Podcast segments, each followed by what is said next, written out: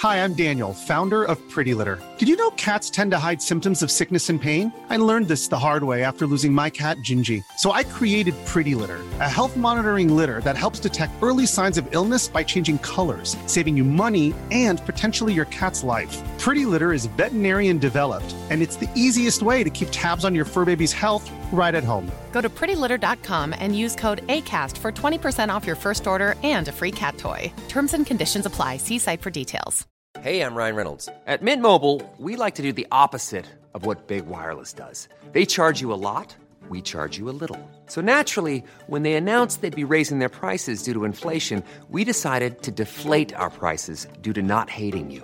That's right. We're cutting the price of Mint Unlimited from $30 a month to just $15 a month. Give it a try at mintmobile.com slash switch. $45 upfront for three months plus taxes and fees. Promo for new customers for limited time. Unlimited more than 40 gigabytes per month. Slows. Full terms at mintmobile.com.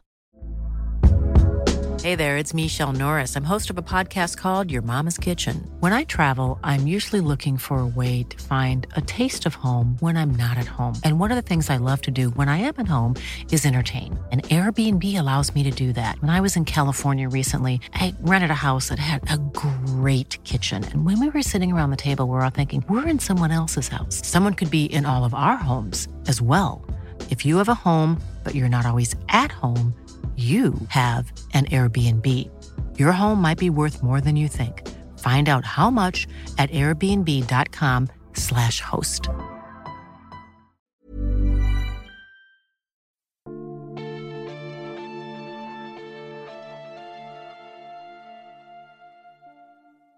Välkomna till Sagan om Isfolket-podden avsnitt 35 Vandring i mörkret. Jag heter Dan och med mig har jag Anna. Hej Anna! Hej Dan! Hej, är du redo att vandra i mörkret? Jag är jätteredo. Jag har vandringskängorna på mig, väskan packad, rödvinet i hand. Nej, just det var det jag inte hade. Nej, det är jag som har det. Ja. Vart är vi på väg Dan? Vi är på väg till Las Marismas. Som alla 14-åringar i Norge kände till. Uppenbarligen. Och alla 14-åringar i Norge har också jättebra koll på när någon droppar en arabiskt namn på en flod och kan direkt omvandla det. För så bra koll har man på geografi i Spanien. Eh, Vettle verkar överlag ha snappat upp väldigt underliga saker. Ja, jag försökte göra lite jämförelse med mig själv när jag var 14 och insåg att jag snappade också upp väldigt mycket udda saker. Typ som att plugga in hela isfolkets släktträd utan till eh, lära mig alla My Little. Sådana saker, men Vettle snappar ju upp användbara grejer. Ja, man undrar ju vad i övrigt han har snappat upp. Hur man bygger en bomb. Okej. Det ligger inte långt ifrån känner jag. Nej. Vi eh, kör på och går igenom den här boken. Mm. Och jag vill bara säga att det här är ett helt nytt grepp tycker jag som Maggie tar. För hon tar en jätte, jättestor händelse som är, andra, som är första världskriget. Ja. Och det är jättemycket historia genom hela boken. Det är jättemycket händelser vi får planterat överallt. I den här så väver hon in isfolkets kamp mot Tengil den onde på ett sätt som gör att den känns vettig och relevant fast går ändå obemärkt för allting. Jag kan, jag kan nog helt köpa det här att ja, Vettle var där och så här, det var så här första världskriget började. Jag kan köpa allt. Ja, faktiskt. Jag blev eh, jag kommer inte ihåg den här boken som särskilt bra men jag blev förvånad. Jag gillar den överlag. Ja, jag med. Och jag insåg när jag läste att det var den här boken som faktiskt fick vi igenom mitt historieprov om första världskriget. Allvarligt? Allvarligt, ja. Vad lärde du dig i boken då? Nej men mycket av det som man lärde sig historia på högstadiet var ju liksom, ja men skotten i Sarajevo, första världskriget, bla bla, skyttegravar. Och jag är historieintresserad i grunden. Men det var så väldigt torrt beskrivet. Och när jag läste om det i Vandring i mörkret, hur Margit beskriver skott in i Sarajevo, Gavrilo Princip och hur det var i skyttegravarna, då blev det mycket mer levande för mig. Vilket gjorde att jag kunde läsa det med andra ögon och också börja rota efter andra böcker utifrån den väldigt kassa kurslitteraturen. Vilket gjorde att jag faktiskt klarade provet med glans. Wow! Och det här måste ju vara precis vad Margit ville. Jag tror det. För det är fantastiskt bra gripande beskrivet. Eh, min absoluta favoritpodcast är en podcast som heter Hardcore History som jag säkert har nämnt. Det är därifrån jag tog namnet Fan of History också. Och eh, han har gjort fantastiska avsnitt om eh, första världskriget. Och han berättar den här historien om Gavrilo Princip otroligt bra. Men som vanligt är Margit spot on på sin historiekunskap. Hon har strukit några detaljer som jag tänker ta upp när vi kommer till Gavrilo Princip. Men eh, allting hon skriver är ju korrekt och ja, förutom Tengilonde kanske. Eller? Eller? Dum, dum, dum. Vänta till bok 47 så får vi reda på det. Ja, men alltså det stora som händer här är att Tengil onde faktiskt vaknar. Ja, det är alltså den här slumpmässiga adelsmannen som bor i sin gamla moriska borg i Las Marismas och komponerar musik. Han skulle ha behövt en podcast känner jag. Ja, för han, vill, han är världens största kompositör men ingen ska få höra hans musik. Det hade blivit en rätt tråkig podcast i sig. Vill du säga någonting om din musik här? Jag tror han hade lagt ut sin musik på Youtube idag. Ja, det kanske han hade gjort. Och det, han spelar lite grann av den här mystiska sången som ska väcka Tengil. Och det räcker för att väcka Tengil lite grann. Mm. Och vi har ju sett honom vaken lite grann genom årens lopp. Att han öppnar ögonen så spektakulärt. Men nu är han ju på benen och ute.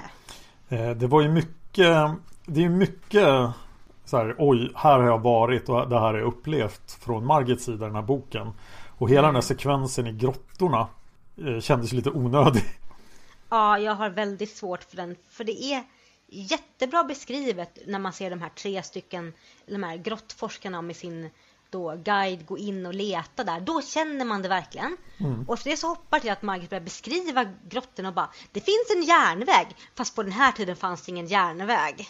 Och då slungas man ur det här. Faktum är att jag, jag var tvungen att läsa på om de här grottorna då och järnvägen fanns då i sitt första utförande. Så Nej. det var faktiskt fel av Margit. Åh vad jobbigt, då blir det ännu mer irriterande. Det här kändes ju som öppningssekvensen i Korpens vingar men där hade vi i alla fall den här klassiska skräckfilmsvinkeln att vi skulle lära oss vad monstret var. Men här finns det ju ingen som helst anledning att ha den här sekvensen egentligen. Nej, vi vet att Tengil Nonde ligger där nere. Ja, och här kanske vi säger okej, okay, han ligger i just de här grottorna, men det kändes verkligen onödigt. Mm. Ja, ska vi ta första världskriget då? Ja, och som vi får reda på här så är det ju Tengil onde som sätter igång det. Men Margit är ju väldigt duktig på att ändå poängtera att det hade nog hänt ändå för människorna är väldigt krigshetsande. Och jag tycker mm. det är en fin detalj att det inte bara förklaras med att hela första världskriget är Tengil Nondes verk utan att han bara knuffade lite grann på det. Ja, jag kommer faktiskt inte ihåg det så att jag blev imponerad också. Mm. Men hela historien stämmer. Gavrilo Princip och Svarta Handen hade då sex lönnmördare. Mm. Den första fegar ur. Den andra kastar sin bomb. Det går inte riktigt bra. Det blir, massa folk blir skadade men ingen av dem han ville skada. Och sen tar han det här cyanidpillret. Han hoppar ut i floden som är 10 cm djup. Och så är, är datumet utgånget på cyanidpillret så att han blir liggande liksom illamående där, där grunda vattnet tycker de eh, nu arresterar vi dig. Han bara nej jag har tagit livet av mig. Va, nej du borde kollat vattendjupet och bäst före datumet om du vill ta livet av dig. Men det som saknades i berättelsen här det var just vad som hände med ärkehertigen. Ja just det. Mm. För att han åker då till sjukhuset där de eh, De här som har blivit skadade av bomben eh, Tas om hand. Och så visar han sitt deltagande då. Och faktum är att eh, Frans Ferdinand var ju då ganska positivt inställd till serbernas sak innan det här hände. Mm. Och han var verkligen i den österrikiska regeringen den serbiska vännen. Oh, så att det, var, det var ett misstag att försöka mörda honom men det var honom de hade chans att mörda så att därför tog de väl den. Mm. Men sen då när han lämnar sjukhuset långt senare då är de här Svarta Handen-medlemmarna De har ju gett upp. De har ju bestämt att liksom, nej, det gick inte, han har dragit så vi får göra någonting annat. Så de har ju gått hem. Och Gavrilo Princip han har gått till sitt favoritfik för att ta macka. Mm.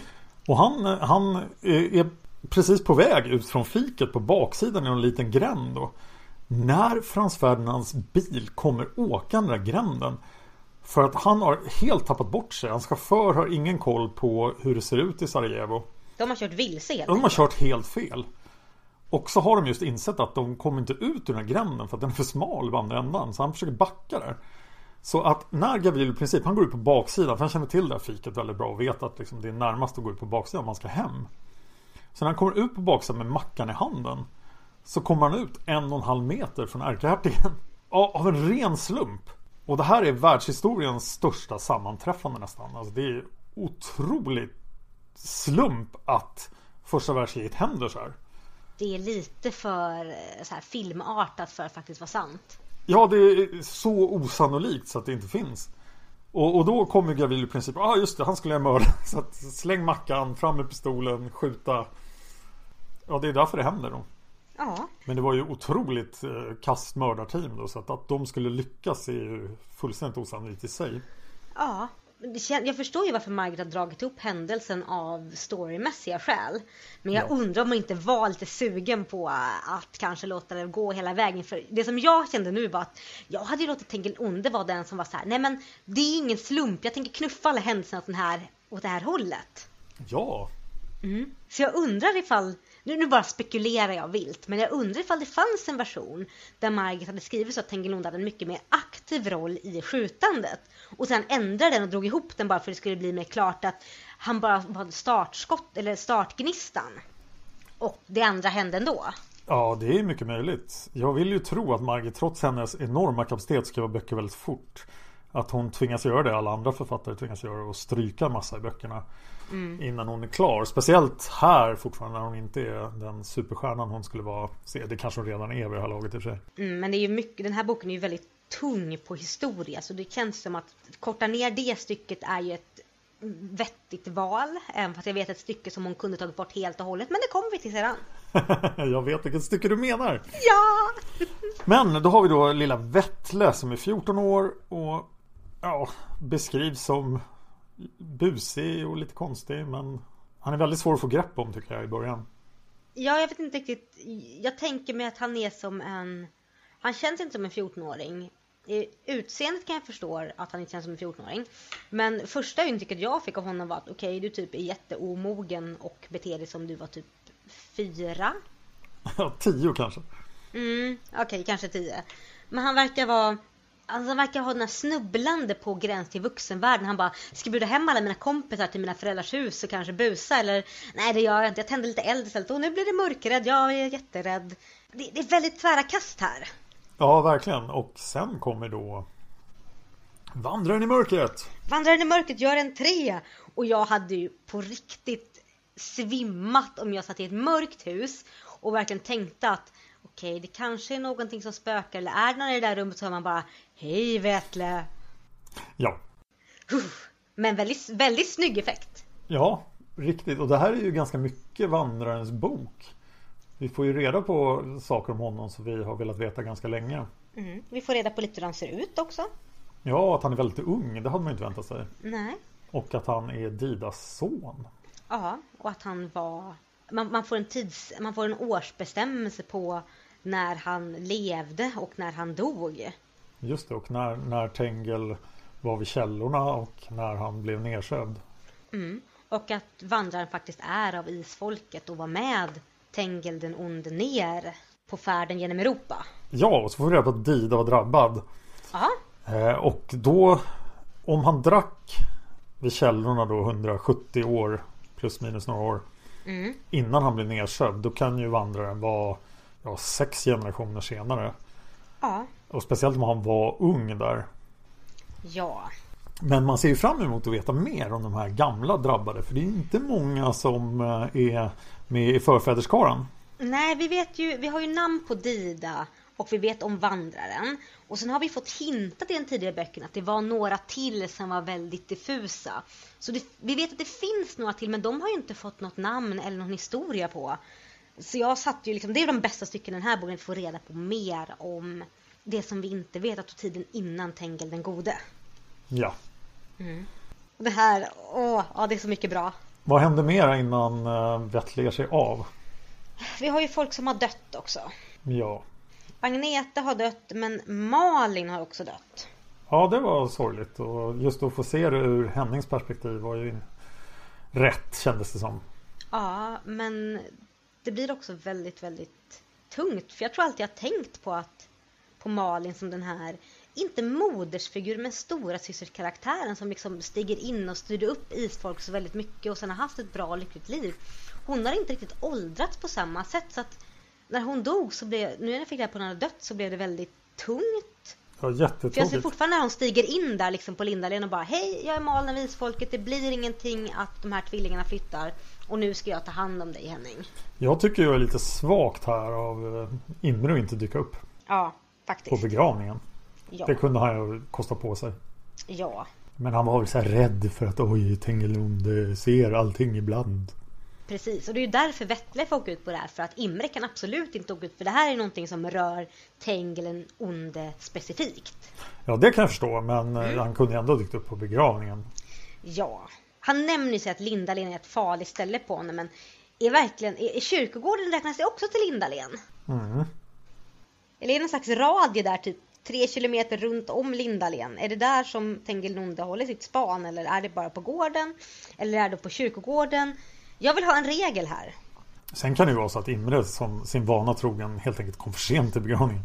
Det skulle inte vara så eh, osannolikt. Han var ju upptagen med att göra svarta ängelgrejer. Bara, Oj, var det idag? Eller så gick han vilse. Ja, han kanske var vilse i skogen i närheten. Mm. Gick runt och lyste för sig själv och bara Någonstans här är det ju. Mm, Hej, jag är en ficklampa. Eh, Ja, kan vi skicka iväg Vettle då? Eller är det något annat som vi behöver prata om först? Jag tror inte det. Jag gillade, för jag tänkte direkt så här, varför får inte André Brink göra det här? Ja, men det finns ju en bra Och, förklaring. ja, så kom förklaringen direkt efter jag hade tänkt den. Och så här, ja, jaha, därför. Ja, precis. För du måste smyga in genom en smal springa. Och du är Mm. för tjock, André.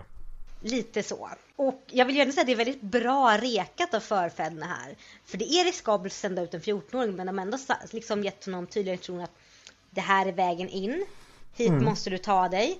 Vi kan hjälpa dig på de här fronterna. Men om du är dum i huvudet och feg så kan vi inte hjälpa dig. Ja, här får vi ju massa regler. De är inte konsekventa med de regler vi redan hört. Men det är ändå mycket regler och det är bra. Ja, det är mer regler än vi fått när någon annan visfolk getts ut på uppdrag. När han fått så här, eh, åk dit och se vad som händer. För vandraren kan alltså, han har inga problem att springa efter Tengelronde och söva honom igen. Nej, Men han kan inte eh, förstöra eh, några papper. Nej, han kan inte ta... Det känns som att vandraren har den här att han har ju sin pipa med sig. Den här som han kan söva ner Tengil den onde med. Men Ja. den hade han ju uppenbarligen när han levde också. Men han kan inte ta i några nya fysiska föremål och agera med dem. Eller? Det är sant. Vi får också veta att de eh, förfäderna kan inte påverka någon som är drabbad. Det är jättekonstigt. Ja, har, då funderade jag, har de gjort det någon gång? Men de pratade ju bara med Ulvar. Ja. De kunde inte göra någonting mot Ulvar. Och det var, de ingrep de inte direkt utan det var ju för att Ulva var på kyrkogården och manade upp dem eller så här bad om en vision. Ja, Mm. Och de kunde ju inte påverka Ulvhedin heller. så det här verkar ju stämma faktiskt. Ja, kors i taket en förfädresregel som faktiskt är konsekvent. Ja, jag tyckte förfäderna skötte sig rätt bra i den här. Sen var ju det att de plötsligt kunde bli sedda av folk som inte var utvalda eller drabbade. Ja, så här, ja. Men det, det får man ju leva med. Mm. De är ju ändå trots allt någon form av ge- gengångare, spöken. Det, det, det, det ställer till det ibland. Man undrar ju lite också kanske varför inte Vettle kunde vara utvald till att göra det här. Mm. Utan han blir någon slags halvutvald eller en fjärdedels utvald här. Du, du måste göra det här fast du inte är utvald. Ja, det känns lite grann som Daniel som var utvald på ett sätt till att åka till, eh, till Tarangay. Ja, det är precis så faktiskt. Mm. Skillnaden var att kanske Daniel var lite mer städad och sådär. Men deras resa de gör är väldigt lik. Men skillnaden är att Vetle är ju huvudpersonen medan Daniel efter ett tag flöt in och blev en sidokaraktär när Shiro och Mar kom in i historien. Ja, nu måste jag stävja uttal här. Jag tror att det ska vara Vettle. Vetle. Ja, Ska vi säga Vetle då? skyll på mig om det är fel. Ja, precis. Kära norska lyssnare. Uttalar vi det rätt eller fel så är det Dans fel. Det är Eller mitt fel. förtjänst. Eh, Så, och förstås skulle hela historien ha blivit tråkigare om Vettle hade haft en massa konstiga krafter. Mm. Tror jag. För det här att behöva resa genom hela Europa mitt i första världskriget. Det kunde lätt ha blivit dåligt tror jag. Men jag tyckte att det var ganska bra. Jag tycker man får en bra bild av, av hur hemskt det är i Europa och eh, hur han klarar sig. Nej men det görs väldigt logiskt att han åker med Röda Korsets tåg så långt han kan. Att han faktiskt lyckas ta sig fram genom att använda de få pengar han har. Och sin charm. Sin charm, exakt. För han är ju en väldigt charmig person. Och det hjälper också att han är så ung. Jag tror att hade han varit en vuxen man som André så hade det här ju inte funkat lika bra. Nej, och jag tycker det här gör Vettle till en originell person. Det blir någon slags ny person. Han är ingen Daniel 2 utan han, han är sin egen. Mm. Det tycker jag fungerar bra. Ja, och sen tänker jag också att han faktiskt ser så mycket yngre ut än sina 14 år. Jag också att han klarar sig från de här grejerna som hade kunnat bli en stor plotthål i boken som är en tvångsrekrytering till exempel. Ja. Mm. Det är för tidigt i krig, ja, det är för tidigt i kriget och han ser för ung ut. Det känns genomtänkt. Mm. Så heja Margit! Då kanske vi måste prata då om Knut Skogsruds son. Ja, precis. För här har vi ju svaret på den här försvunna ättegrenen som vi inte fick något svar på i förra boken. Nej, utan Knut hade då fått en drabbad son, Erling Skogsrud. Som vi då under boken lär oss är pansarmannen. Och då finns det helt uttalat två drabbade i en generation. Ja, och minns du att vi satt och spekulerade lite grann i förra boken? Ja. Om den här dödfödda barnet som Petra, kvinnan på stranden, fick. Just det. Att den var i, den var i rätt generation fast i fel generation fast det blev konstigt. Mm. Men här blev det ju ännu mer konstigt. För att det hade ju varit mer logiskt om Knut hade fått ett icke-drabbat barn och Erling var i nästa generation och alltså var ett substitut för det drabbade dödfödda barnet som var. Men nu har vi två, som säger, vi har två drabbade i en generation och ingen i Vettles generation. Det stämmer bra det. Men vi, vi får ju också reda på att Erling han får en son innan han blev jättekonstig. Mm. Så att det finns fortfarande en försvunnen isfolksättling. Ja, den isfolksättlingen kan ju vara drabbad också i och för sig. Det kan den vara, absolut. Ja, vi vet ju att drabbade faktiskt kan få drabbade barn. Pansarmannens son. Det låter som en dålig bok. Ja, det finns ingen bok som heter det. Bara så Nej, det är, vi, det är vi glada för. Eh, så att när Erling började känna av att han var drabbad så fick han alltså ett pansarskal. Han blev värsta mutanten. Det är ju någonting helt nytt. Ja. Och det jag undrar över lite är hur han lyckas ta sig fram i Europa under första världskriget. Jag tänker mig att folk tror att han är en slags krigshallucination och bara är så här, Fuck it, det är ett monster. Jag vill inte. Och så bara låter honom... Jag menar, och vad ska de göra? Han... Inga vapen rår på honom. Han är osårbar och han dödar alla som ser honom. Det känns ju som kanske liksom en fieldhaubits hade rått på honom. Vad är det? Alltså någon stor kanon eller något.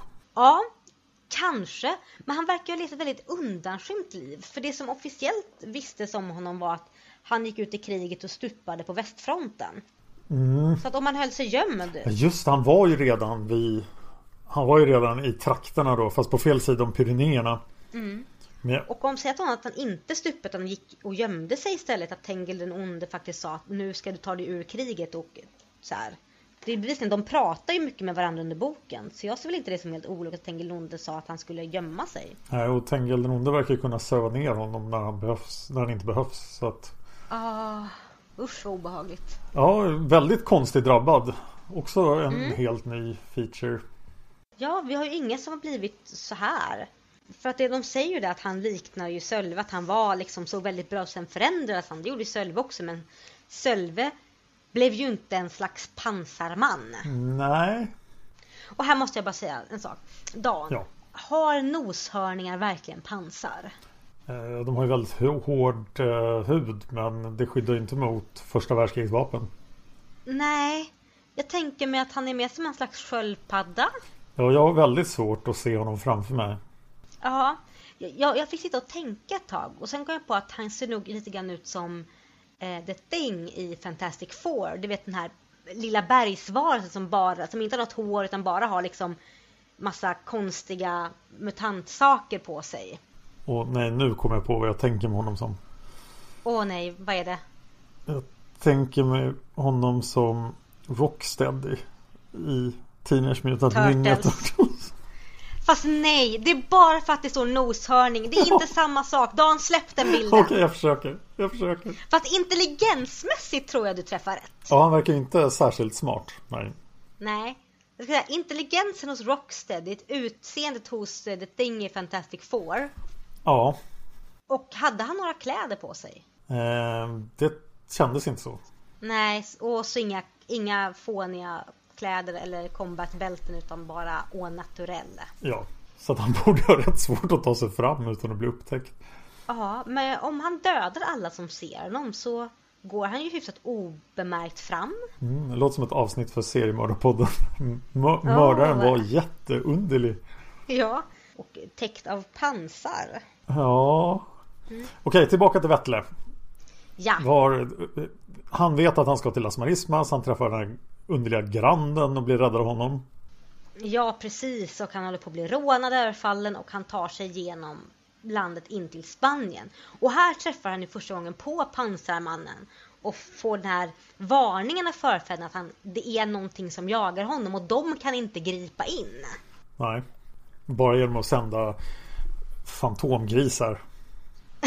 ja, Fantomgris to the rescue! Squee! Ja, det fungerade ju bra. Fast det kommer senare. Ja, Men ja, pansarmannen funkar ju som skurk här. Han är ju någonting nytt. Han är ganska obehaglig. Och han är hanterbar. Ja, han är inte någon övermänniska. Och han har ju den här ändå begränsningarna på sig, liksom att han måste få klara direktiv från Tengil den onde för annars så tappar han fokus. Precis, han är korkad. Han måste få order från Shredder. Nej, Fel, fel, fel, fel fel. igen. Eh, ja, och eh, så kommer Vettle fram till Las Marismas. Och där i utkanten av träsken träffar han då zigenarna. Ja, eller romerna som vi skulle sagt idag. Ja, det borde ändras i framtida utgåvor. Ja, jag blev jätterädd här när jag läste den här. Att, för jag hade glömt den här sideplotten. Jag bara, åh gud. Nu kommer det komma massa, eh, alltså gamla klichébilder om romer här på löpande band. Jag orkar inte men det var inte så farligt som jag trodde. Nej, jag tycker det var bästa Katitzi-romerna här. Alltså de var ju jättesympatiska. Ja, och också väldigt fint beskrivet från Margits sida på många håll. Liksom att hon liksom beskrev om förföljelser och beskrev liksom att, om, att de var missuppfattade. Och att de en, hon beskriver män som en högstående bra kultur, vilket är väldigt ovanligt att det görs i böcker som är skrivna på 80-talet. Riktigt ovanligt. Och så plus det här just stora fokuset på deras kultur och musik och dans.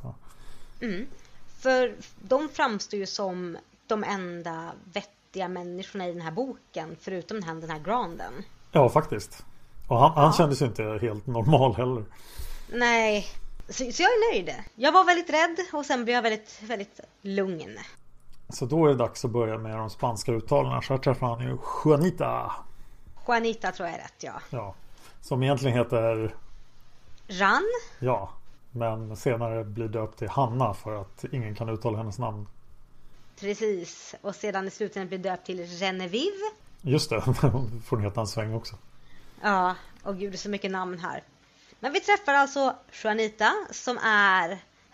Ja, vad är hon Dan? Ja, hon är en fransk eh, flicka som har blivit såld till romerna när hon var bebis.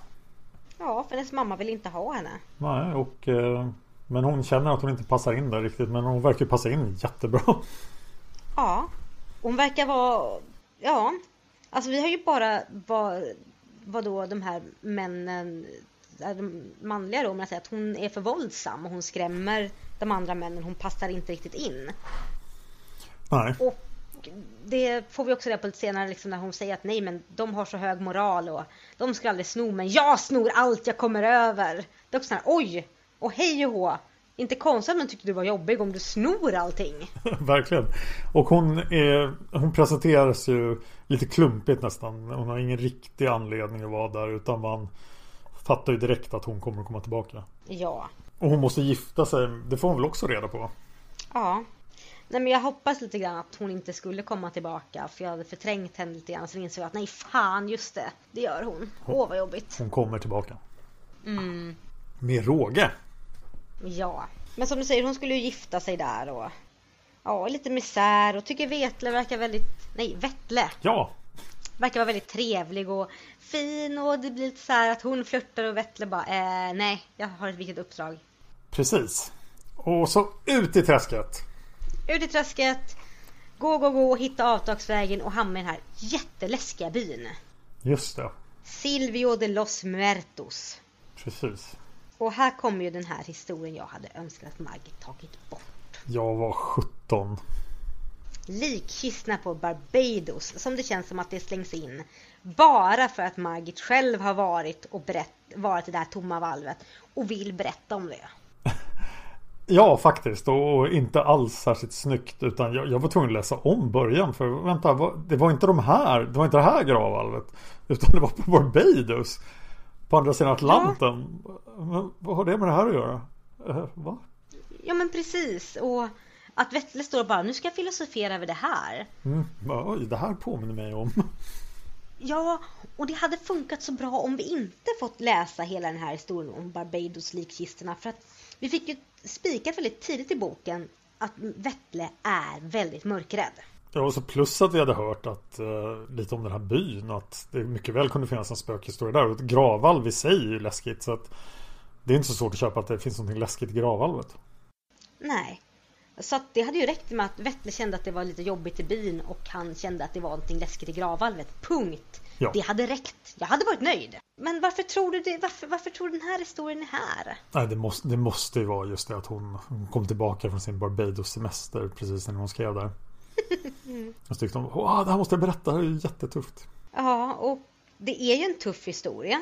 Jag minns att när jag läste boken första gången så gick jag och kollade upp den på biblioteket. Någon sån här eh, olösta mysteriet över världen. Mm.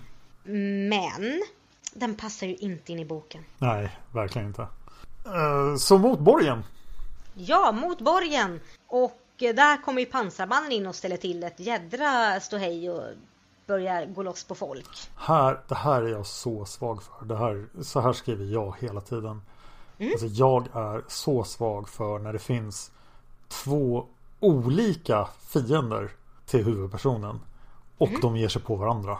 Jag vet inte varför riktigt men jag är så jätteförtjust i det här. Och den här lösningen då att pansarmannen eliminerar vakterna så att Vettle kan ta sig förbi. Tycker jag är jättesnyggt. Och det blir väldigt hållbart för pansarmannen vill ju också åt det här pappret. Ja. Mm. Så det funkar jättebra.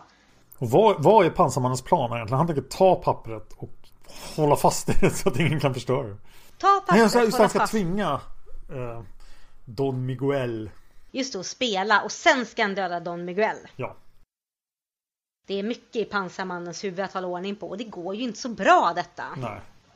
Nej, för Vettle lyckas ju hitta den här lilla luckan på baksidan av borgen som är... Eh, rakt upp i dasset. ja. Men det är ett gammalt dass så det var inte så läskigt. Nej, fast alltså det... Alltså, även fast ingen har använt det så har nog ingen städat det sen dess heller. Mm, nej, det lär inte vara jättetrevligt. Nej, jag vill bara poängtera detta. Ja. Och sen också det här. Jag, jag fick den här bilden i huvudet när Vettle kravlas in där och bara så här jäkla förfödd kunde man inte sagt någonting. Och jag fick en bild av Vandra som var Ska jag berätta eller inte? Nej, jag gör inte det. Det blir roligast så för mig. Ja, eller, eller Vettle kanske blir, tycker att det är för läskigt. Så att, men när han väl är där, då måste han göra det. Ja, men ändå. Ja, det, det, det är lite det är en humor i det som funkar väldigt bra där han kravlas upp och bara så här jäklar det här. Ja och det här övergivna rummet och det, jag tyckte det var väldigt spännande här. Mm. Och sen går det ju jättesnabbt här inne i borgen. Ja och pansarmannen härjar loss. Ja och han har ihjäl typ alla han ser. Man undrar ju Don Miguel varför han har en jättestor vaktstyrka i sitt hus. Han vill verkligen inte träffa någon. Nej, han hatar alla. Mm. Han har lejt ett gäng vakter. Ja. Och ändå räcker det inte. Nej, men Vettle hittar ju in i musikrummet och träffar även där Esmeralda. Ja. Och här är Esmeralda helt utan påverkan från Tengelronde. Mm, och det är bra. Mm. Och hon vill bara, ja det verkar bra att dra för att det kommer en jättestor pansarman i hallen. Ja precis. Och Vettle hittar ju papper för pappret lyser. Ja, det kändes verkligen som ett dataspel. Eller hur? Object of interest. Typ klicka på det. Ja, så här när man håller på easy mode bara Åh nej, vilken person den personen. ja. Sådär, men det, det funkar ju här och jag kan köpa att förfäderna vill göra det enkelt. För att nu är det bara så här, oh shit han kommer dö! Få pappret att lysa, få pappret att lysa någon, kan någon fixa det här? Ja, och vi får mm. reda på också att Esmeralda inte ser pappret lysa. Nej, så det är ju någonting för isfolket. Sen är det otroligt besvärligt att bränna det pappret. Ja, för det finns inga tändstickor. Men de flyr, springer iväg, stukar fötterna, håller på att dö. Eh, pansarmannen blir plötsligt jättesnabb.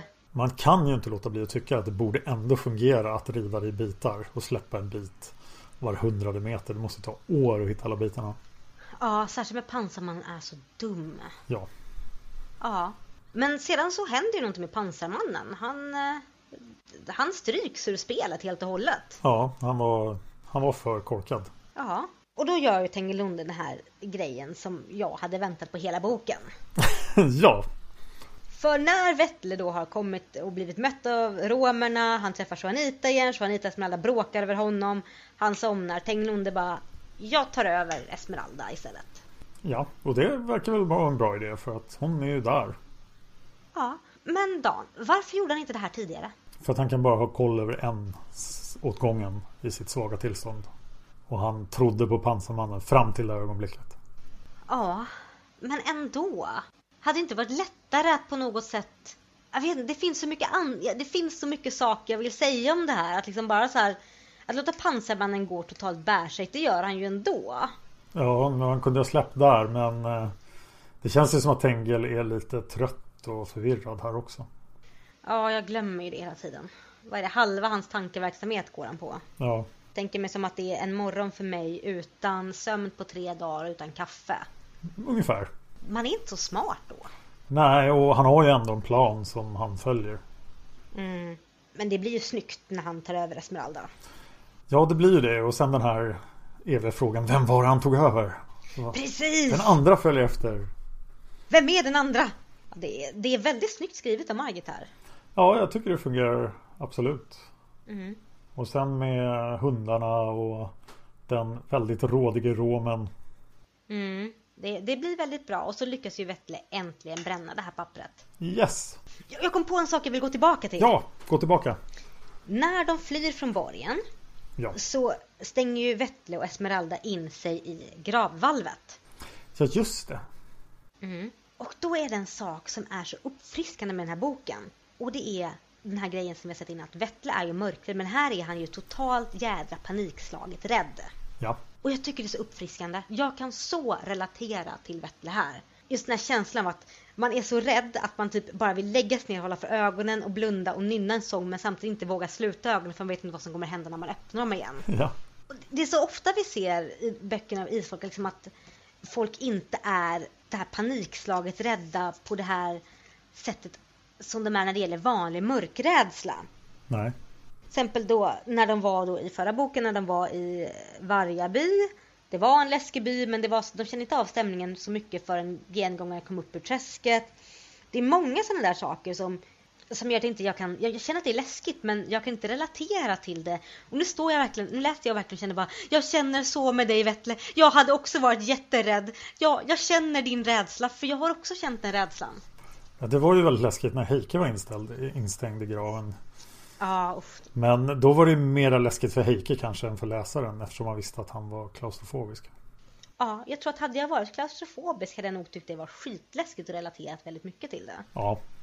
Mm. Så, pappret är bränt, pansarmannen är nedsövd.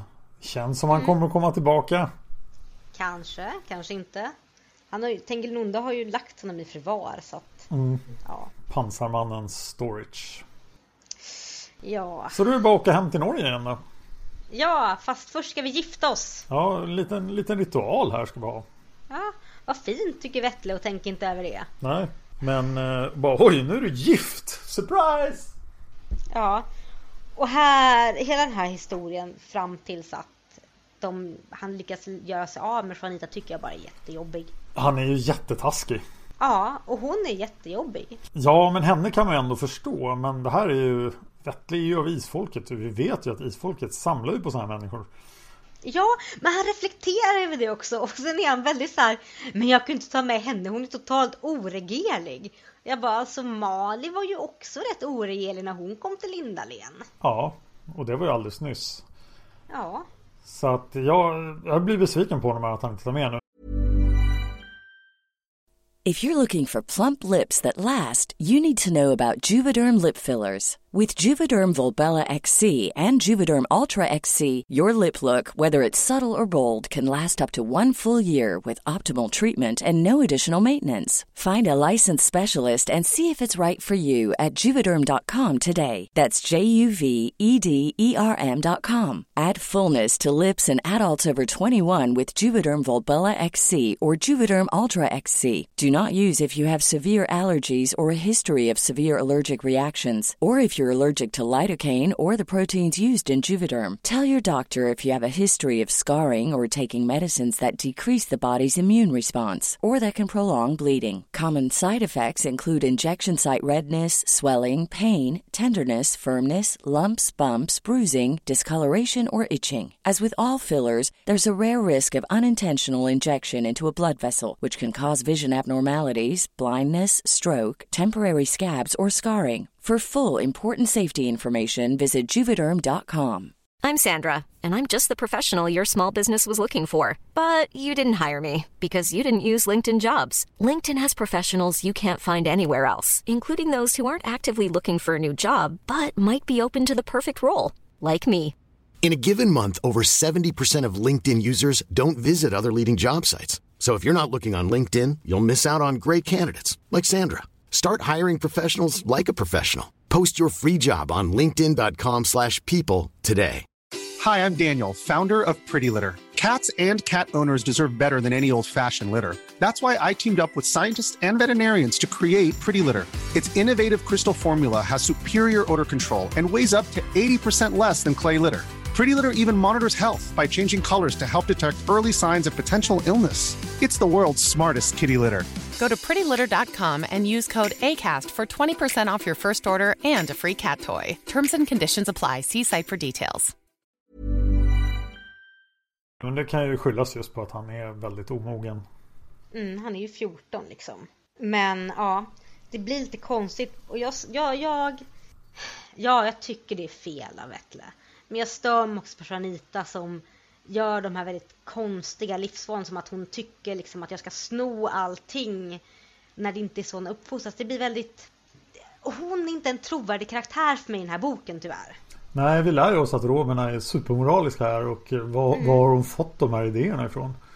Hon kan väl ja. ha fått dem ifrån folks fördomar om romerna men att, att hon är den här romen som folks fördomar har skapat. Ja, men det känns också konstigt för att hon nämner ju att nej, nej, nej, de är väldigt noga med att vi inte ska sno. För så fort vi snor, för, för, så fort något stjäls så får vi skulden för dem. Jag känner bara ja, men då borde du ändå, vara ännu mer angelägen att du inte snor saker. Så att, ja, hon känns lite hophafsad som karaktär. Så här, väldigt mycket alla känslor i bysan, gör vad hon själv tycker, slår en tärning och bara ah, ska jag sno saker eller inte? Äh, det blir en 20, nu snor jag saker. Ska jag försöka förföra Vettle när han sover? Ja, det försöker jag. Ja. Det, det är synd för att hon... Jag, jag, hade velat känna för henne men jag gör inte det. Nej, sen har hon ju den här religiösa mm, problematiken. Mm. Som också känns väldigt som att den kommer i vågor. Men det kanske var tanken. Ja, alltså hon är ju 14 så det, vi kanske får hänvisa mycket av hennes vilsenhet till det. Och det blir värre med, efter tre år i nunnekloster. Eh, ja, gudars ja. Och det kan man ju förstå. Så Vettle dumpar henne i nunneklostret och får sen hjälp av vandraren och eh, andevandra på något konstigt vänster. Ja, det går väldigt snabbt. Hela vägen till Skåne. Mm. Och här får vi reda på massa smaskigheter. Vi får reda på allt det här om hans relation till Dida och mycket, mycket som händer. Ja, och sen passar det för Imre att dyka upp då, tillsammans med Tengil Gode som kan visa sig för lite alla möjliga. Precis. Men eh, det är alltid roligt. Vi gillar mm. när Imre dyker upp. Ja, Imre kanske var på väg till begravningen, gick fel och sen dök han upp i... Ja, så här ett år senare. Mm. Just det, nu kom jag på också en sak. Ja. Eh, när Vettle då reser med vandraren så får han ju en belöning. Och vad var det? Belöningen är ju det att eh, de ska... De, Förfäderna beslutat att en av isfolks förbannelser ska upphävas och det är att ätten inte får många barn. Och jag bara va? Var det, är det de ni som hade har bestämt, bestämt det här? Ja tydligen. Men det, jag för mig att det har nämnts någon gång tidigare att just det här att inte få många barn var ett sätt att hålla ihop släkten. Ja, Men jag tolkar det alltså som att det var Tengil den onde som hade bestämt det här. Ja, jag tänkte det först också. Men jag har verkligen för mig att det var en... Det nämns någonstans att det var en välsignelse också. Okej. För att de kunde då se till att det inte var... De sa ju här att det inte skulle vara massa drabbade överallt. Men... Nej, det är sant. Och jag tror att det nämns tidigare att det var... Att det var bra för att de kunde hålla ihop släkten. Det låter ju rätt bekant där du säger, så jag köper den förklaringen helt och hållet. Men det känns ju verkligen inte som någonting Wettle är intresserad av här. Han bara, ja, tack. Och sen får han ändå bara tre barn. Ja, tre barn är ju mycket. Jag tror men det det är hänt rekord för isfolket. Nej, det har väl inte hänt förut? Jo, Are hade tre barn. Ja, ja, men det var ju, det är ju Are och sen är det inget mer. Är det ingen annan som har haft tre barn? Nej, Ja, nej men då... då... jag ögnar släktträdet. Det är, Are fick tre barn. Cecilia Ja. fick två barn.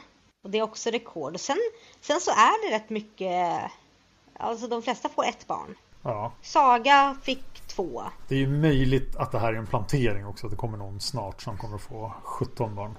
Mm. Men jag tycker tre barn är ändå rätt, det är rätt duktigt. Sen har vi en hel legion isfolk för slutstriden. Mm, ja, oh, ja. Usch, det drar sig nära nu Dan. Ja, det drar sig jättenära. Vi vet ju att det är Kristas, Kristas barn som är den utvalde. Mm. Hon verkar inte vara i form att få barn ändå. För hon är ju fortfarande jätteliten. Ja, Och Men det är bor med sin snälle händer. far. Jag tycker de är för snälla mot Frank. De står på slut och tänker hoppas han inte får reda på det. Jag bara jo, jag vill att han ska få reda på det för han verkar vara jätte, jättejobbig. Ja. Mm. Han var jobbig mot Vanja och han är jobbig mot Krista. Krista 8 eller 9 när boken slutar. Ja, någonting sånt. Så hon har ett tag kvar. Och sen handlar ju hela boken som är kvar om den här resan ner till ner genom det krigs eh, men färdigkrigade Europa.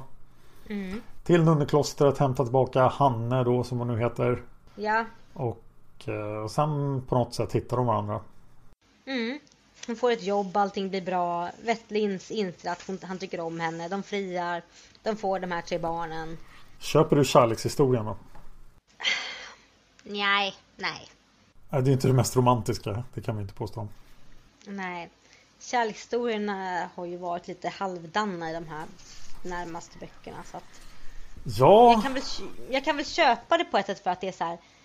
Alltså Hanne kan jag köpa på ett sätt för att hon, det är så tydligt att hon är väldigt fast vid Vettle. mm. Vettle kan jag inte köpa för det är som han bara la di la di la oj hon blev snygg. Ja ja. Och hon verkar vettig nu också. Okej, det var kul. jag tolkar det snarare som så. Oj, jag blev könsmogen. Mm, lite så. Ja, titta. Snygg fransk tjej som redan är förtjust i mig. Vad bra. Ja. Så, ja, var är de stora kärlekseposerna? Vi har haft så många. ja, jag är besviken. Det är... Alltså den här boken var ju bra, men vad är min kärlekshistoria? Den kanske kommer i nästa bok. Mm, kanske det. Jag är lite skeptisk. För många besvikelser lägger sig runt mitt hjärta här. Ja, men då ska vi ta och titta lite på vad som har hänt på forumet. Precis, vårt lilla forum som nu har legat till sig. Ja, Och ska vi se vad vi har för fel och missar först och främst? det kan vi börja med. Jag ska bara nämna att eh, forumet kan ni hitta på isfolket.se. Klicka på forum så registrerar ni där så kan ni hänga med oss och svara på saker inför kommande böcker. Ni kan rösta på vad ni tycker om varje bok och det ska vi sammanställa sen när vi är klara. Och så kan ni just berätta om fel och missar ni hittat och det är det vi ska göra nu för det har ett antal människor gjort. Vill du börja? Ja, den första kan vi inte säga för det är en spoiler. Mm, titta! Mm. Oj, det var, det var en jättestor miss. Ja, eh, men tyvärr kan vi inte säga den missen. För vi kommer aldrig komma ihåg den när vi kommer till bok 41 heller. Nej, vi får försöka skriva upp det här någonstans. Ja, nå- någon borde skriva det i tråden för bok 41. Men den tråden är Ja. förmodligen 80 sidor lång Men den röda tråden i de fel och missar-tråden är Vem har bestämt det här med att det ska födas så många barn? Jag säger att jag är inne i den här tråden var inne 2007 och är bara vad händer? Ja, det är ju faktiskt sant. Mm. Vi, är det någon som kommer fram till något svar eller? Eh, nej. Jo, Silje, nej det är ingen som kom fram till något svar på den. Ja, du, så då finns det bara en riktig miss här. Förutom den som vi inte får prata om. Och det är Silje Arngrimsdotter som säger ne- längst ner på sidan 252 i den norska pocketutgåvan är Saga omtalad som Vanjas mormor. Men hon är ju veterligen Vanjas farmor. Om det är Margits eller översättaren som har fel, det vet jag inte. Och nu måste jag titta om det här stämmer, om det här är även med i min bok. Ja, då tittar jag i min bok också. 252, det kan ju vara annorlunda men... Ja, det är så här. Eh, hon hade samma skira skönhet som sin mor Vanja och Vanjas mormor Saga. Jaha. Mm.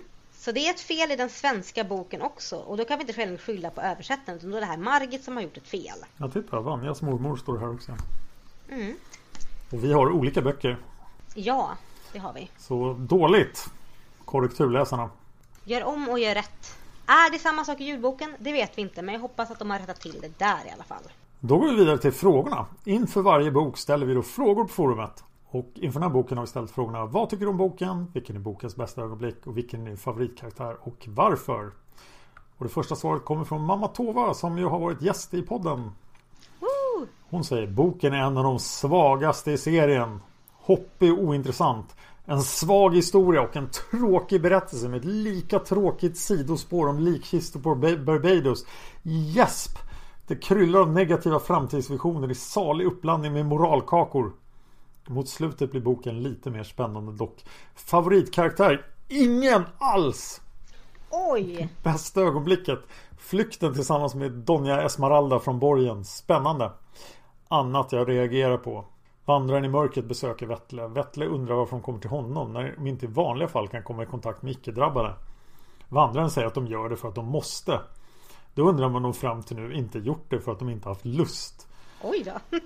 Ja, och det är ju en jättebra påpekande för att det finns ju massor av gånger som förfäderna har kunnat hjälpa folk som inte var drabbade. Ja, men de kanske bara struntar i det. Ja, det är jättekonstigt. Det här nej, det låter inte alls bra för förfäderskaran. Nej. Och hur stoppade de Sol från att dyka upp i den här boken? Gav henne vin? Hon bara, men jag ska ju också vara på linden. Ja, Nej! Mamma Tova fortsätter. Inkonsekvensen med minst en drabbad i varje generation stör mig massor. Det är så många ologiska vändningar nu och försök till tafatta räddningar. Men det finns inte längre någon logik alls i Isfolket-sagan. Vettle får färdas hem buren av vandraren på några timmar. Men varför i HE fick han inte färdas ner på samma sätt då istället för att sitta och försöka klämma sig in på tåg och lifta? Eh, ja. Ja. Ja, faktiskt. Oj, ja. ja. Mm. Jättekonstigt. Ja, vandraren kände bara inte för det. Det känns som att Mamma Tova borde ha skrivit de här i fel och missar. Eh, sista synpunkten. Vettle hälsar två småpojkar med saludos som betyder skål. Och det här reagerar jag också jättemycket på. Mm. Om han nu inte ens kan säga goddag förvånar det verkligen att han kunde sitta och lyssna på granden och förstå ungefär hälften av vad han sa. När det handlade om så komplicerade saker som att diskutera klasskillnader i samhället. Och att han kunde utläsa att granden skällde på de lägre klasserna och höjde sin egen till skyarna. Om man inte ens vet vad goddag heter. Väldigt bra poäng av mamma Tova där. Riktigt bra Ja. poäng. Mm. Nästa svar kommer från Sinsiev från Nor som skriver En av de sämre. Drog mig för att läsa om den och blev tyvärr inte positivt överraskad. Här får vi lära oss uppenbara saker som att förakt mellan människor, här i salten mellan med klasser, är dåligt. Fördomar hindras från att se det vackra i människor och att krig är hemskt. Vi vet! Vettle är inte heller någon alltför spännande karaktär, tycker mest han är irriterande. Bokens bästa ögonblick. Berättelsen om gravvalvet på Barbados. Mm. Oj! Ja, favoritkaraktär och varför? Alla bra karaktärer är antingen frånvarande eller döda. Peppad inför nästa bok dock. Det här har vi aldrig varit med om att det är två personer som inte har valt en favoritkaraktär. Ja, vi får se hur det blir nästa. Jag måste inflika en historia faktiskt om eh, min läsning av den här boken. För att jag Jag bor ju på två ställen. Jag bor i Stockholm och Söderhamn. Och så skulle jag fira jul i Linköping. Och någonstans på vägen lyckades jag bli av med alla mina tre eller fyra exemplar av Vandring i mörkret. Så när jag kom till Linköping så hade jag ingen bok. Men jag insåg att jag var tvungen att läsa den under helgerna. Så jag vill tacka Linda Ring. Som är en vän till min fru. Som har lånat ut Vandring i mörkret till mig. Och det var verkligen i sista ögonblicket. Jag ringde runt till alla alla jag kände i Linköping och försökte fixa den. Men hon är en gammal Isfolket-fan. Så att, eh, tack Linda! Jättetack. Det hade varit lite tråkigt om bara jag hade läst Ja, det hade blivit pinsamt. Det ska aldrig hända. Nej. Nu har vi bara 12 böcker kvar. Eh, nästa synpunkt kommer från Nolau. Mm. Vad jag tycker om boken. Jag var tvungen att titta vad jag skrev om boken när jag läste den för första gången för tio år sedan. Så här skrev jag på forumet som en kommentar till röstningen. Har precis läst ut den. Det har aldrig tagit så här lång tid för mig med en Isfolket-bok. Mot slutet blev det bättre och Hanne lyckades dra upp betyget till en fyra av tio då. Den här gången lyssnade jag på boken. Hade jag inte gjort det hade det säkert tagit lång tid att bli klar med den. Jag kom flera gånger på mig själv med att tänka på annat när jag lyssnade. Det är en lång tråkig bok. Jag håller inte med mig själv om att Hanne gör historien bättre. Inget berör mig i den här boken. Jag tyckte mest att Hanne var irriterande. Och det var så himla förutsägbart att hon och Vettle skulle få ihop det. Jag tyckte också att hennes övergrepp mot Vettle var obehagligt. Det tog så lätt på det på något sätt. Vettle blev ju arg men så var det inte mer med det. Om rollerna hade varit ombytta och Vettle hade börjat ta på Hanne i sömnen så hade nog beskrivningen sett likadan ut. Eller? Jag tyckte det var obehagligt i alla fall. Ja. Är det förresten ett släktdrag att råka gifta sig med en kvinna för att man tycker synd om henne och sedan måste dras med henne fast man inte riktigt tycker om henne. Men till sist ändrar sig. Vettle gick i sin fars fotspår. det är sant. Bokens bästa ögonblick. Det enda intressanta i hela boken är att vi får veta mer om vandraren. Det finns väldigt få höjdpunkter i denna trista bok. Favoritkaraktär? Jag får säga vandraren. Kul att han har blivit lite mer talför. Övrigt, jag gillar inte heller de snusförnuftiga kommentarerna som ungefär spanjorer är egentligen inget folk som skäl. Men just den här mannen gjorde det. Tjuvar finns väl överallt. Mm -hmm. Jag håller för övrigt helt med mamma Tova om att inkonsekvenserna i böckerna blir riktigt störande. Många förklaringar känns som dåliga efterkonstruktioner och ibland känns det som att sagan lever sitt eget liv och att Margit tappar greppet om sin egen skapelse. Och ja, att Vettle förstår så pass mycket spanska och kan göra sig förstådd Även om det ständigt påpekas hur dålig han är på spanska Får mig vilja skrika som Kishti Tomita Det är orimligt! Vem är Kishti Tomita? Eh, jury i Idol för flera år sedan. Jaha. Nu vänder vi blad och ser fram emot bättre böcker. Ja, nästa svar kommer från Akasha som skriver En av de absolut sämsta, skittråkig och rörig. Osannolikt att alla isfolket är så ofattbart språkbegåvade att de för några dagar i främmande land kan ha djupa konversationer på främmande språk. Hallå! Pluggade franska i tre år i skolan men skulle inte kunna diskutera politik med en fransman. Men jag är inte av isfolket.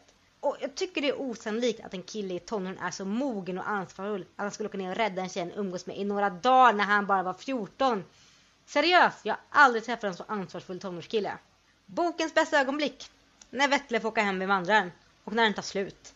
Äh, seriöst, det var det enda som var lite spännande var den faktiskt inklippta. Den känns verkligen inklippt. Historien om likkristna på Barbados. Oj. Ja. Favoritkaraktär?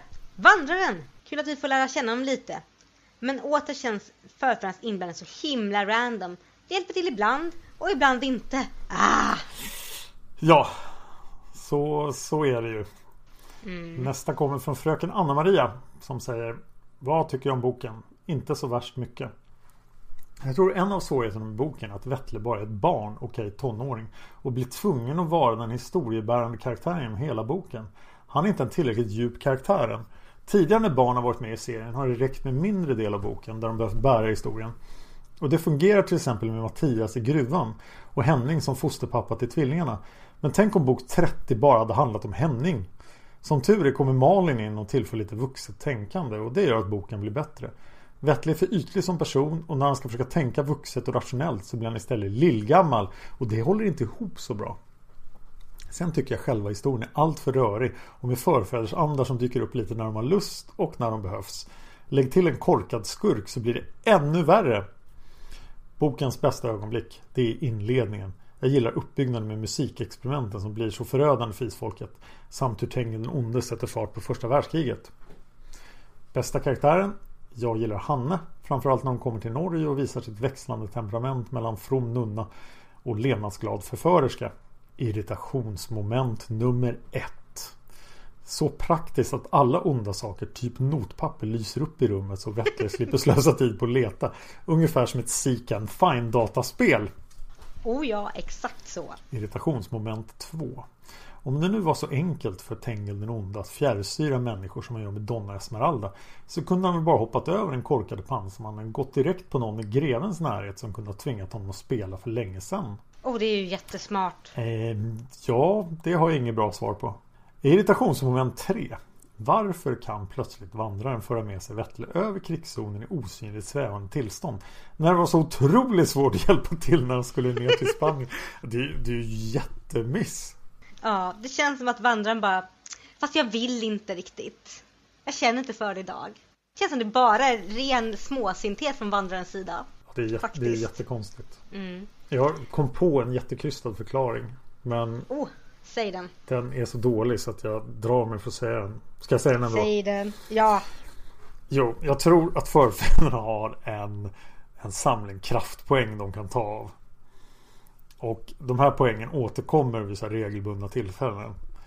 Och precis efter det här hände då så blev det refill på kraftpoängen. Så att de hade ett väldigt överskott av kraftpoäng precis efter allting hade utspelat sig. Så var det så. Ja ah, men vad ska vi göra nu då? Nu har vi ju ingenting som kommer hända för vi vet ju framtiden.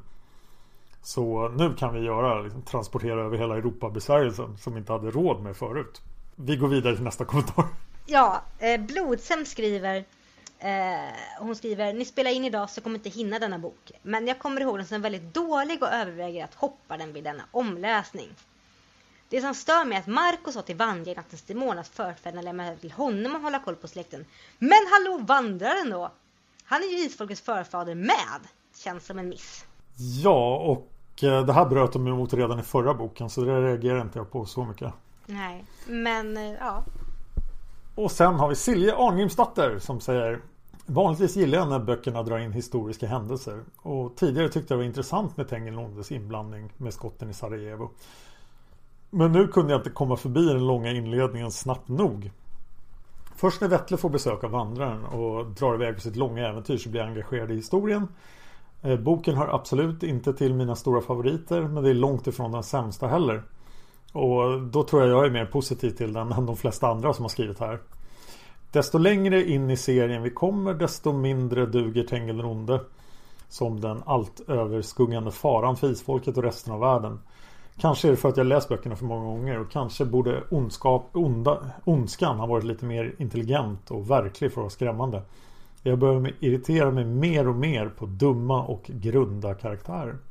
Bokens bästa ögonblick det tror jag är samtalen mellan Vettla och Vandraren efter att Vettla har lyckats med sitt uppdrag. Vilken är din favoritkaraktär? Vandraren tror jag. Det är spännande att äntligen få lite, veta lite mer om honom. Jag gillar också Vettle och Hanne. Men vad är det med Margit och de här namnskiftena? Namnet är då inte särskilt svårt att uttala. Varken på spanska eller franska. Så varför måste det ändras? Ja, och sen förstår jag inte riktigt nästa mening något till karaktären själv nästan inte... Ja just det, till, till någonting som karaktären själv inte klarar av att säga. Mm. Det är jättekonstigt. För mig hänger namnen så tätt samman med karaktären och när namnen ändras så ändras också karaktären. Och det är största jag irriterar mig på eh, med Margit som författare. Mm, vänta bara tills vi kommer, om vi tar oss igenom den här serien, tar oss igenom häxmästaren och tar oss igenom till Ljusets rike. Då jädrar, då får vi namnbyten. Då kommer vi att få prata om namnbyten. Ja, jag vill också säga nu när vi har läst upp Silja Angrimsdotters svar att Silja Angrimsdotter har skrivit fantastiska fanfiction-berättelser som en uppmaning på det vi har bett om. Och jag skulle vilja att ni går in på forumet allihopa, kommer lägga en länk på vår Facebook-sida och läser de här fanfictionerna. Hon har skrivit om en fanfiction om Vendel, Kira och Örjan. Hon har skrivit om jul på Skenäs med coola Anna Maria. Hon har skrivit en Silja och Tengil fanfiction och flera jättefina berättelser om Thomas och Tulas relation. Jätteläsvärda, läs dem! Ja, så in och läs för det är fantastiska berättelser. Och vi tar jättegärna emot fanfiction så har ni skrivit någonting så, och inte kommer åt forumet, men det tycker jag ni bör göra, så kan ni jättegärna mejla till oss på Facebook så kan vi läsa dem. Och det här forumet har funnits ett tag. Och för 11 år sedan så skrev min kära hustru en sågning av den här boken. Ja! Så nu är det dags för Vanjas neggreflektioner. För Vandring i mörkret. Hon börjar med att säga på sid 111 en alldeles ovidkommande berättelse om likkäster på Barbados bäddas in för att man ska få veta att Margit varit där själv. Den tillför ingenting förutom ett avbrott i den verkliga historien. Sid 162 Citat från boken Tengel den ondes tankar vandrade. Han sökte bland alla dem han kunde använda. Han valde och förkastade. Han sökte nya. så ljusnade hans grymma ansikte ett allt annat än trevligt leende. Nej, jag vet. Den enda rätta till ett sånt uppdrag. Nu har min uppstudsige ättling inga möjligheter att klara sig undan. Noterna är mina innan de hinner förstöras. Och han tänker då på Donja Esmeralda, en bortskämd och jobbig tolvåring. Knappast medlem i hans onda register. Den enda rätta? frågetecken. Han måste ha haft ganska få kandidater om hans farligaste undersåt är en tolvårig spansk unge. Och Ja. varför är hon hans undersåte? Det känns ju som han kunde ta över vem som helst. Ja, jag vet inte riktigt. Sen på Orkar inte. sida 166 Citat från boken då. Du ska röva ifrån honom. Jag borde ha en Tengil Onde röst. När jag läser Tengil Onde kommentarer. Ja. Mm, har du något förslag på hur den ska låta? Äh, lite så här. Du ska röva ifrån honom det notpapper han har på sig. Sen ska du ila till borgen bortom den döda byn. Och förvara pappret som vore det ditt eget barn. Och då säger Vanja Vad vet Tengil Onde om moderkärlek? Han behandlar ju alla sina ättlingar som skit. Det låter inte som ett uttryck han skulle använda. Återigen, det är en 12-årig flicka han pratar med. Förstår hon liknelsen? Nej, tror inte det. Sid 253 Vettle kunde inte hjälpa det. Han var lite grann avundsjuk. Tänk att få ett sådant barn. Att vara säker på att få barn alls. Själv fick han nog aldrig vad en vandrare hade sagt. För han hade ju ingen att få dessa barn med. Och nej, han skulle nog förbli barnlös. Tanken kändes svår. Ofrivilligt steg tårarna i hans ögon. Vettle som var världens mest omogna 14-åring har här blivit 18 och gråter för att han aldrig ska få några barn. Jag går inte på det riktigt. Det känns helt fel. Hur många 18-åriga killar gråter i allmänhet då de tänker på att de aldrig ska få barn kanske? Han har ju inte ens någon anledning att tro det. Ja, det kan man ju hålla med om. Ja. Lustigheter. Oh. Sid 59. Ja, du måste ha en vandraren-röst också. Lite ungdomlig men allvarlig. Ja, ja, det blir svårt. Vi tar min gamla mesopotamiska röst. Ja, men du är bara av isfolket. Det går emellertid en människovänlig transport söderut i morgon bitti. Vandraren i mörkret uttryckte sig lite charmigt. Humanitär och människovänlig. Ja, vi fortsätter sid 178. Eh, hon har pappret sluddrade hon. Jag försökte. Vi vet, Juanita, sa Vettle fort. Du har varit duktig. Då log hon matt men stolt. Jag var bäst, va? Så ska det låta. Jag gillar hennes inställning. Sid 226. Besvikelsen sjönk som en tung klump i Vettle. Var det nu någon belöning att skryta med? Han som inte kunde fördra tanken på egna barn. Han vill inte ha några, aldrig! Jag skulle hellre vilja ha en hund, hade han velat säga. Stackars 14-årige Vettle. Vandraren som frågar vad han önskar sig och allt och så hade hon redan bestämt det. Ganska taskigt. Ja. Kan jag inte få en hund? Mm. Och vi vet ju att Margit skriver, skriver bra hundar. Ja, jag hade velat se Vettle få en hund. Mm. Här är Fido. Den Mm. utvalde taxen. Men den kan du kommunicera med oss. Men den kan du kommunicera med rymdvarelserna. Ja, För de kommer ibland att lägga sig i saker. precis. Oj. Ja, det var nog allt eh, material vi hade för eh, Vandring i mörkret. Och Oj. nu blir det dags för Trollmåne. Oh, spännande. Ja, ett av de bättre live jag varit på faktiskt en gång i tiden. Spännande. Så att jag brukar tänka på det live när jag hör namnet och inte på den här boken. Men eh, den här boken verkar ha potential. Många verkade se fram emot den. Mm. Det ska bli spännande att läsa. Men tills dess då, vad kan vi hitta mer av dig? Jo, jag har ju för ovanlighetens skull startat en ny podd. Va? Du skulle aldrig. Ja, nu ska jag faktiskt sluta starta nya poddar ett litet tag. Jag har två till som jag vill starta men de går inte att starta nu så att jag ska inte göra det. Eh, Den här podden gör jag tillsammans med en tjej som heter Anna. Och det är inte du. Nej, det är inte jag. Nej. Så två poddar med dig för vi har ju startat Hard Nerd Café om nördiga saker. Woho! Som ni kan hitta på Youtube och Facebook. Och iTunes snart. Ja. Mm. Men jag har även startat den första podcasten i Söderhamn. Och den har startat tillsammans med ett nystartat väldigt bra gym här i stan som jag nästan ser här från mitt fönster. Det heter Rehabmagasinet och eh, eh, podden heter Gympodden. Och den gör jag tillsammans med en av ägarna som jag har haft som viktcoach och kiropraktor förut och även som tränare då. Och jag vet att hon är väldigt bra på att prata om träning för vanliga människor. Och podden är väldigt riktad på att jag, jag är där som något slags försöksdjur.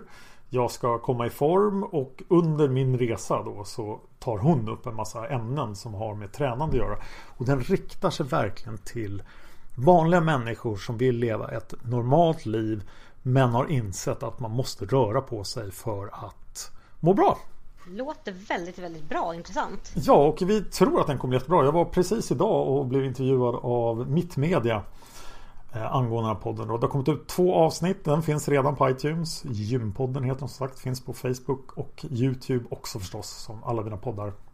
Eh, sen kan man hitta mig på Dan Hörning på eh, Facebook, på YouTube och på Twitter. Där heter Dan Horning. Där kan man följa alla mina projekt. Och jag har även då, eftersom jag hade så lite att göra, dragit igång jag blev utmanad av en brittisk YouTubare som heter Dull Bedsit Blogger. Alltså bloggaren som är tråkig och sitter på en säng. Att göra en videoblogg varje dag. Så Oj. för hela det här året. Så under hela 2017 kommer jag göra en video per dag och visa Ja det kommer handla massa om poddande förstås också men eh, om allting som händer mig då. Så, att- och eh, jag tittar ganska mycket på det han, han har gjort i den övningen då och eh, ja Det blir en video varje dag. Det blir olika långa och sådär men den finns att beskåda på min YouTube-kanal Dan Hörning. Vilket spännande projekt. Jag tror att det kan bli intressant. Idag ska jag spela in ett avsnitt efter det här när jag visar min researchhörna, det vill säga min mysläshörna i soffan. Så, så, så djupa ämnen är det. Var kan lyssnarna hitta mer av dig Anna? Ja, jag gör ju precis som du sa Dan, en till, den här podcasten, men så gör jag också en till podcast med dig, Hard Nerd Café. Ja. Så eh, den, eh, den kan man höra mig på, den finns på Facebook. Och sedan så har jag en Facebook-sida såklart, en privat, eller en offentlig sida som heter Setsuna Seras, som man jättegärna får gå in och gilla. Där postar jag ut lite länkar och roliga artiklar men även allmänna bloggposter för jag bloggar ju också mycket på setsunaseras.blogspot.se och den får man jättegärna gå in på och läsa.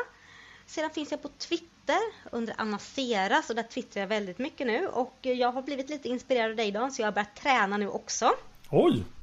Ja, det tar emot. Det, jag är inte så duktig så det är gå till gymmet, träna 20 minuter, eh, kollapsa en hög och gå hem igen. Men jag jobbar på det så nu är det en del träning på min Twitter men även mycket om saker jag tycker om och roliga grejer som händer, om nyheter och sådär. Så gå jättegärna in och följ mig på Twitter så blir jag glad. Den andra Anna skulle varit stolt över dig för att det här just att ta sig iväg till gymmet är väldigt viktigt.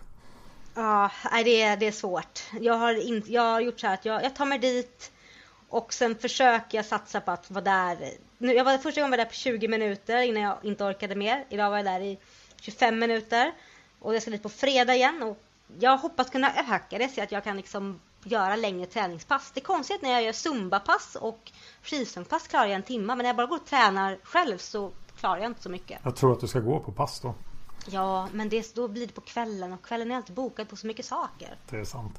Det gäller ju att hitta någonting Mm. som funkar för en själv. Det är ju verkligen det viktigaste. Ja, Ja, nej, nu ska jag försöka inte prata träning här. Men jag tror att du, jag tror att du har gjort ett väldigt viktigt steg. Då. Du har nämligen gått ut nu här i Isfolket-podden och sagt offentligt att du har börjat träna. helvete också. Och då kan du inte liksom bara sluta. För då kommer ju folk att tycka du är mesig. Så du har gjort lite Fy. samma sak som jag har gjort. För jag har ju till och med startat en podd om att jag börjar träna. Så att jag kan inte sluta nu. Det går inte bara. Nej, det, jag kan inte sluta nu. Fasen också, jag tänkte inte på det. Damn it! Så kan det gå. Ja, men det blir nog bra det här dagen. Det ska nog bli folk av oss också. Ja, men det kommer nog aldrig hända. Nej, men kanske lite mer vältränade. Ja, vi hoppas det. Vi, jag ska påminna också om eh, påsken. Ja! På eh, någon dag under påsken så kommer vi alltså podda live från Gotcon. Då kommer vi att podda Demonernas fjäll. Och vi poddade ju live från Gotcon förra året för Dödens trädgård. Och då hade vi ganska bra uppslutning. Men vi vill ha mycket mera folk där. Så att är ni i Göteborg så... Och ni behöver inte betala inträde på Gotcon. Vi kommer lyckas fuska in er där på något sätt. Japp. Och vi kommer lägga ut i god tid när vi vet vilken sal det ska vara och vi kommer säga all information många gånger i poddarna innan dess. Yes! Bra, då tror jag vi är klara. Ja, du får det så bra till nästa gång. Du är med. Hej då! Hej då!